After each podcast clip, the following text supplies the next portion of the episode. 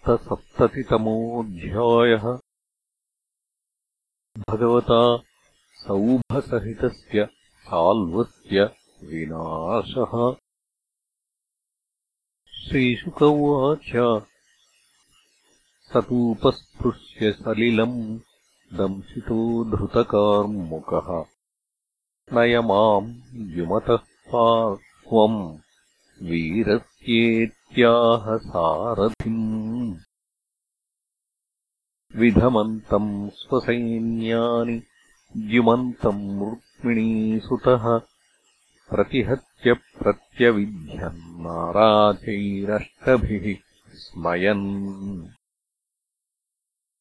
चतुर्भिश्चतुरो वाहान् सूतमेकेन चाहनत्। द्वाभ्याम् धनुश्च केतुम् च शरेणान्येन वै शिरः गद सात्यकि साम्बाद्या। जघ्नुः सौभपतेर्बलम्। सेतुः समुद्रे सौभेयाः सर्वे सञ्छिन्नकन्धराः। एवम् यदूनाम् शाल्वानाम् निघ्नतामितरेतरम्। युद्धम् त्रिणवरात्रम् तदभूत्तुमुलमुल्बणम्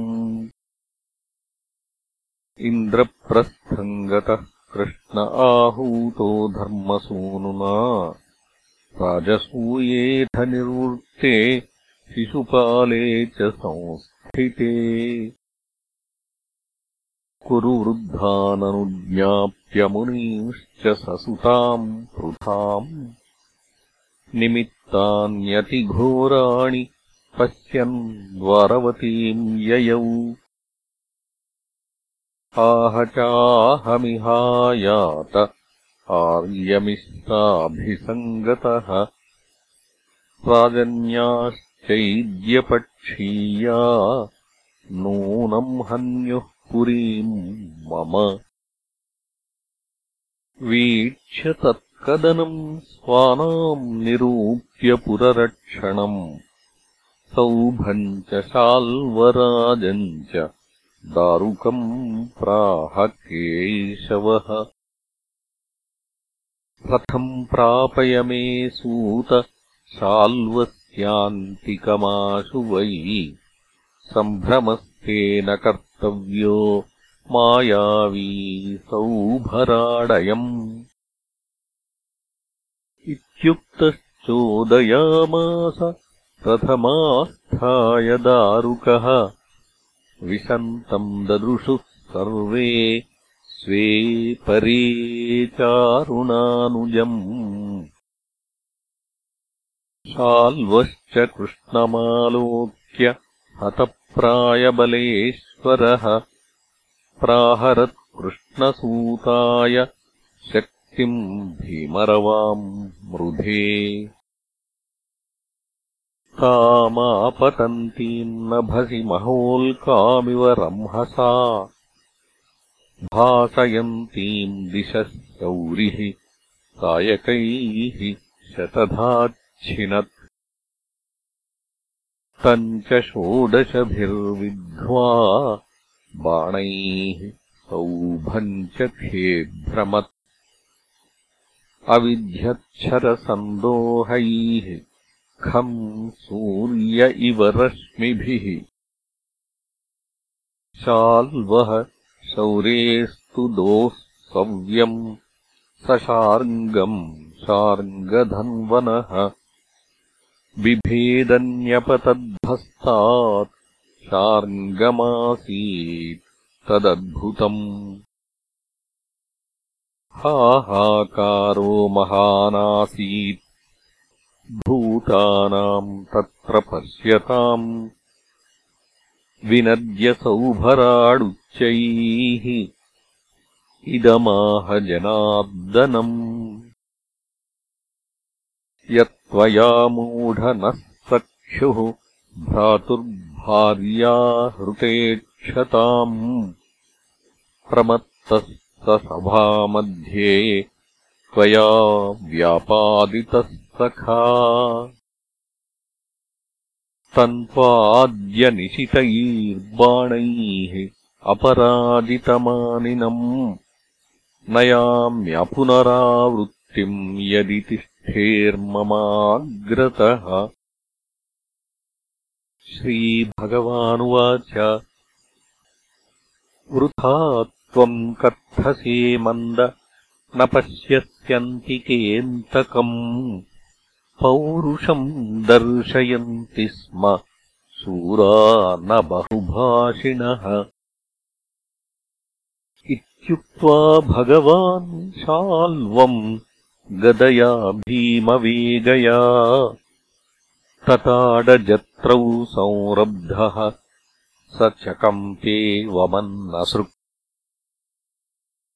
गदायाम् सन्निवृत्तायाम् शाल्वस्त्वन्तरधीयत। ततो मुहूर्त आगत्य पुरुषः शिरसाच्युतम् देवक्याप्रहितोऽस्मीति नत्वा प्राहवचोरुदन्